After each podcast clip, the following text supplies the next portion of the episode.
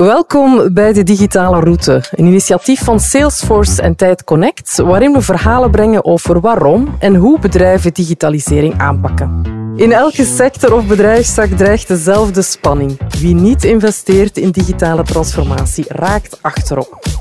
Tegelijkertijd wordt de relatie met klanten en werknemers er ook complexer op. Het is niet alleen voldoende om te vragen van wat wilt je juist zien, maar je moet voortdurend blijven vragen waarom, waarom, waarom. Gelukkig kunnen data en artificiële intelligentie het bedrijfsleven significant vergemakkelijken. Vandaag bijten we ons vast in de kracht van datavisualisatie. Marianne Erens, Commercial Operations Analyst, speelt daarin een belangrijke rol bij Suez Water Technologies and Solutions. Dag Marianne, welkom aan onze tafel. Dag Hilde, bedankt voor de uitnodiging. Marianne, cijfers en tabellen omzetten in pie charts, dat is niks nieuws onder de zon. Maar jullie pakken het bij Suez anders aan en beter, mag ik wel stellen. Vertel eens, hoe doen jullie dat en waarom hebben andere bedrijven experts zoals jij nodig? Mijn reis in datavisualisatie is eigenlijk een eh, paar jaar eh, geleden begonnen, toen ik in mijn vorige rol zat als Global Process Leader. Mijn job bestond er vooral uit om de globale teams te ondersteunen op het vlak van kwaliteit, processen uitmappen enzovoort. Maar toen kwam ook het stukje erbij van hoe kunnen wij slimmer omgaan met onze metrics en onze KPI's. Hoe kunnen we gaan van een rapportkaart op het einde van de maand uitsturen tot iets waar we op, op kunnen reageren en op basis waarvan we onze onze taken kunnen bijsturen. En zo is eigenlijk een beetje begonnen. Ik wist toen dat wij destijds uh, Tableau gebruikten in onze finance afdeling. En ik had toen ondertussen ook een beetje mijn huiswerk gemaakt en gaan kijken naar verschillende BI-tools en, en wat die wel en niet kunnen doen. En mij leek dan ook de logische oplossing met iets te werken wat wij al gebruikten. Dus ik had toen een gesprek met mijn baas destijds. En ik zei van, kijk, ik moet training gaan halen, inspiratie opdoen.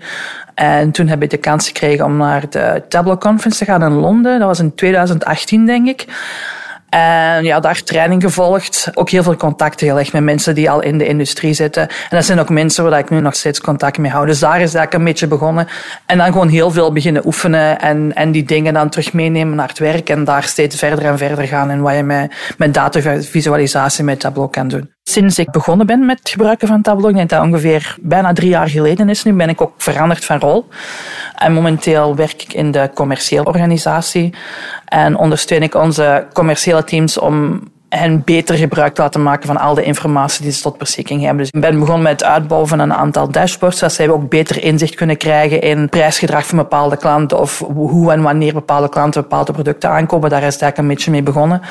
En dan het laatste product dat ik ontwikkeld heb, gaat vooral kijken naar onze receivables en hoe dat we daar staan, hoe dat we daar doen in bepaalde regio's. En die zijn eigenlijk wel heel, heel positief onthaald. En dat zijn ook zaken die wij nu tijdens meetings zo ophalen om te kijken van waar staan we, waar moeten we bijsturen dat is echt een middel geworden om niet alleen te zien waar we nu zijn, maar ook eventueel te voorspellen waar we naartoe gaan. En zien we de nodige acties kunnen ondernemen om bepaalde processen of bepaalde gedragen van mensen ook bij te sturen. Dus Marianne, als ik het goed begrijp, gebruikten jullie die visualisaties vroeger laat ons zeggen, één keer per maand. En is dat nu eigenlijk een continu proces? Ja, alle producten die ik tot nu toe heb ontwikkeld, die worden allemaal online gezet. Uh, mensen kunnen er naartoe gaan als zij bepaalde, met bepaalde vragen. Ze kunnen die informatie oproepen. Die wordt ook iedere dag bijgewerkt.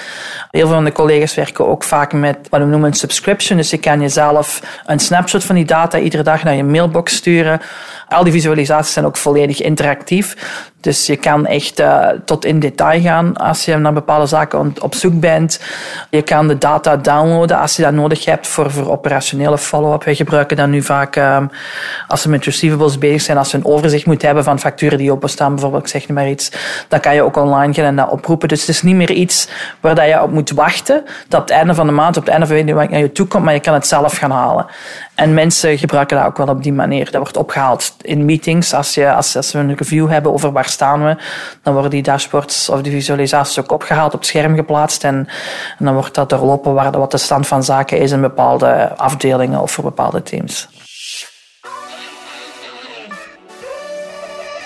Marianne, ik kan me voorstellen dat je om dit soort producten te ontwerpen, maar ook de adaptatie ervan intern te verzekeren, dat je toch flink wat empathie aan de dag moet leggen. Ik denk dat dat wel belangrijk is. Met ieder product dat ik ontwikkel, ik begin altijd met een gesprek te hebben met mensen. En ik probeer een idee te krijgen van de vragen waar ze mee zitten of de uitdagingen die ze hebben. En het is niet alleen voldoende om te vragen van wat wilt je juist zien, maar je moet voortdurend blijven vragen waarom, waarom, waarom. En dan heb je de juiste feedback om die visualisaties uit te bouwen en dan merk je ook dat mensen daar betere inzichten uithalen.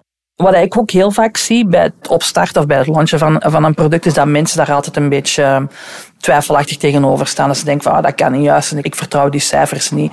Als ze zien de visualisatie, want ze snappen niet echt wat ze zien of ze begrijpen niet waar dat vandaan komt. Dus ik probeer altijd wel de nodige context toe te voegen. Ik denk dat dat heel belangrijk is, zodat mensen begrijpen waar, dat ze, waar dat ze naar hun kijken zijn. Dus dat ze effectief uitleggen van wat dat wordt er gevisualiseerd en de nodige context te geven of waar de informatie vandaan komt of, of hoe dat bepaalde berekeningen gedaan zijn. Ik denk dat dat wel heel belangrijk is. En dat helpt ook bij het opbouwen van vertrouwen die mensen uiteindelijk krijgen in die producten en dan ze van, oké, ze begrijpen dat het vandaan komt. Oké, ik kan hier iets mee doen. Ik kan hier uh, een bepaalde meerwaarde uithalen. Kan je je nog herinneren wanneer je de eerste keer echt het gevoel had van, wauw, nu heb ik echt iets strafs gemaakt?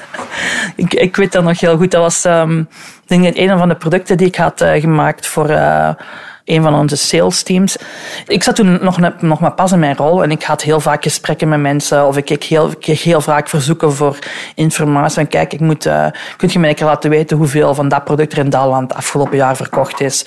Of ik moet een overzicht hebben van uh, wat mijn klanten de afgelopen twee jaren gekocht hebben, enzovoort, enzovoort. En op basis daarvan en ook een beetje zelf de, ervaring die ik ondertussen had opgebouwd, had ik een aantal dashboards in elkaar gestoken.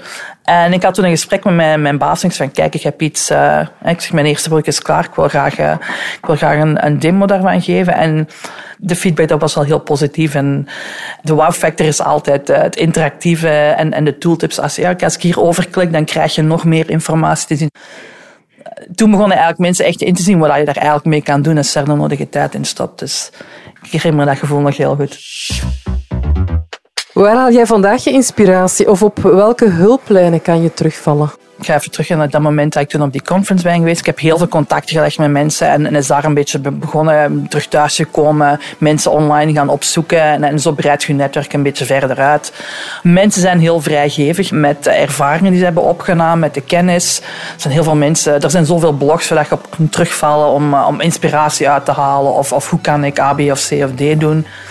Ah, dat is wel een heel breed netwerk van mensen waar ik ondertussen mee verbonden ben. En daar krijg ik ook wel heel veel van terug. En ik, ik stop daar zelf ook, zelf ook wel best wel wat tijd in. Ah, dus dat beperkt zich niet alleen tot uh, visualisatie die ik maak online zit, dus dat mensen daarvan kunnen bijleren. Ik ben ook begonnen met, met een blog te schrijven. Als ik bepaalde dingen heb uitgewerkt, dan, dan schrijf ik dat uit, zodat mensen daar iets kunnen bijleren. En daarnaast ben ik met, uh, met een aantal kennissen, zal ik maar zeggen, um, ook begonnen met... Uh, zo'n beetje de, de Tableau usergroep voor, voor België zijn we toch opgestart. En we proberen dan om de zoveel maanden uh, mensen bij elkaar te brengen die één uh, Tableau niet kennen of daar iets meer over willen leren. Of mensen die al ervaring hebben en inspiratie willen opdoen. Of mensen die iets willen bijleren. Dat is eigenlijk totaal vrijwillig. Uh, niemand is verplicht om daar aan deel te nemen. Maar we proberen altijd wel interessante speakers te zoeken die iets te vertellen hebben. Ofwel is het technisch of, of mensen die een goede use case hebben. Dus daar stop ik ook best wel wat tijd in. Op die manier krijg je dan ook weer heel veel terug van andere mensen. Dus daar haal ik eh, enorm veel uit. Wat ik mij nu afvraag, Marian, we krijgen deze dagen heel veel cijfers naar onze hoofden geslingerd over COVID. Kan jij daar nog zonder oordeel of verbeteringssuggesties in de voorstelling van de data naar kijken? Of ben je intussen toch een klein beetje beroepsmisvormd? Zeker een beetje beroepsmisvormd. Ik merk wel dat ik daar toch met andere ogen naar kijk. En sommige dingen kunnen heel vaak misleidend zijn als je daar niet rekening mee houdt. En ik herinner me onlangs, denk, mijn broer had mij iets uh, doorgestuurd via via WhatsApp. Het was een kaart van België. Het ging over de meest recente cijfers en België was helemaal rood gekleurd. En ik was toen eens gaan kijken naar de link die daarbij stond. En ik zei van, ik ga mijn eigen gemeente eens opzoeken en dan die cijfers vergelijken met, met ergens anders. En dan is er uh, een verschil tussen 200 waar dat ik dan woon en dan 700 op de 100.000 ergens anders. En dan denk ik van, ja, oké, dat is er een beetje misleidend. Als je heel die kaart groot gaat kleuren, mensen hebben dan een verkeerd idee van hoe erg dat de situatie is. De situatie is erg, versta me niet verkeerd, maar ik, ik vond dat toch wel een beetje de verkeerde, de verkeerde boodschap. En ik ben toen um, ja, online gaan zoeken naar een betere, een betere kaart. En ik heb die toen ook doorgestuurd naar mijn broer en hem proberen uit te leggen van waarom dat, dat de betere manier is. En hij heeft daar toen al iets aan bijgeleerd. Dus ja, ik, ik merk dat wel dat ik daar anders naar kijk, naar die zaken tegenwoordig. Een slotvraag. Veranderen tools als Tableau het spel? Met andere woorden, welke skills blijven belangrijk voor analisten? Ik denk dat institutionele kennis heel belangrijk is. Ik zie dat iedere keer bij ons als analist begint, maar dan niet tools kent waar wij mee werken of, of de, de structuur van de data niet begrijpt. Dan heb ik het verhaal over processen die bepaalde zaken aansturen. Ik heb het ook over de tools die wij gebruiken om, om bepaalde handelingen uit te voeren. Dus als ik denk bijvoorbeeld aan de verschillende stappen die je moet doorlopen om een bestelling in te geven in ons systeem, waar daar bepaalde zaken kunnen vastlopen, naar wie je moet gaan om bepaalde goedkeuringen te krijgen. Ik denk dat dat één aspect ervan is. Het andere is ook effectief de structuur van de data begrijpen en waar, waar het al die informatie vandaan komt en, en hoe dat je die, die stukken moet samenvoegen. Ik denk dat dat heel belangrijk is om de juiste gesprekken te hebben met mensen. Marian, bedankt om voor ons dit aspect van data te belichten. Ik wens je uiteraard heel veel succes, zowel in je rol bij Suez als in je rol als ambassadeur in je digitale netwerk. Dankjewel. Luister ook naar de andere afleveringen van de digitale route via je favoriete podcast-app. Bedankt voor het luisteren.